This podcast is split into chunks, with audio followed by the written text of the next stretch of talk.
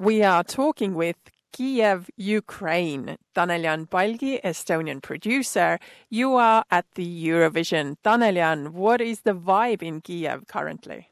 Hello and привет, Australia!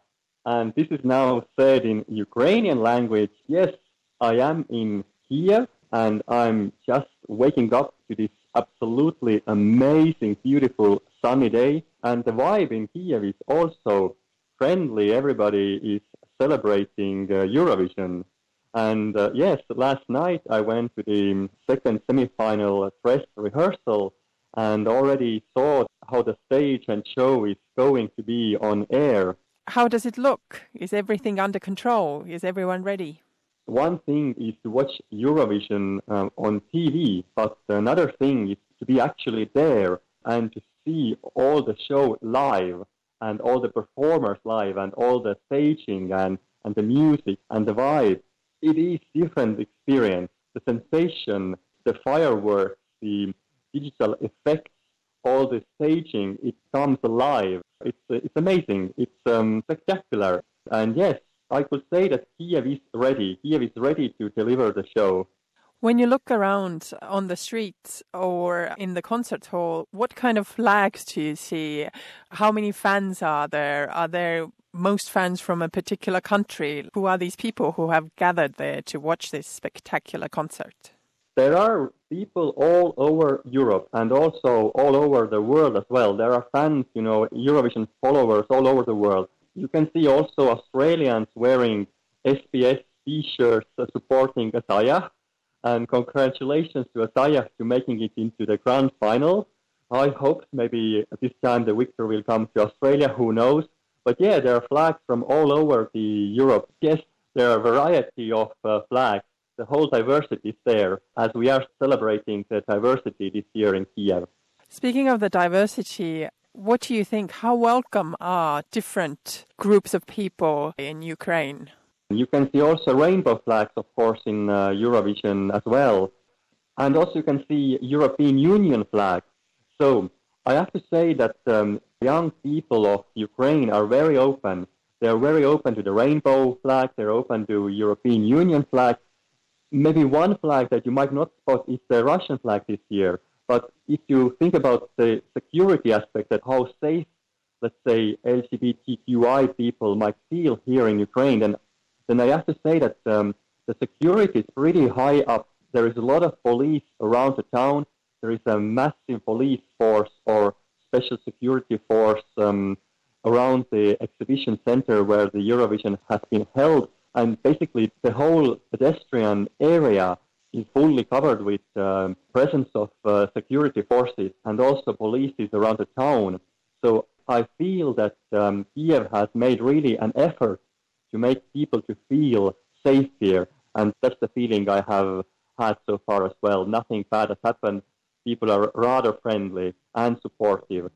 What are the comments or feelings about Russia not participating this year? Look, it's actually kind of a subject that locals don't want to discuss even.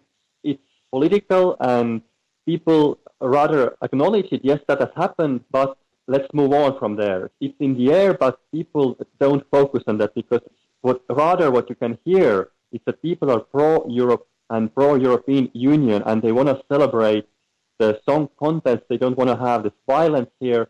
They just want to be part of um, free democracy. And even when have spoken with older people, the Ukrainians really have made up their mind in the sense that they are seeing that for young generation, the future is Europe and the older generation is accepting that, even though they might have nostalgia towards Russia, but they are seeing that, you know, young people want to be part of the Europe, they want to be part of the free democracy, and, and they have kind of taking the supportive role of for the young people.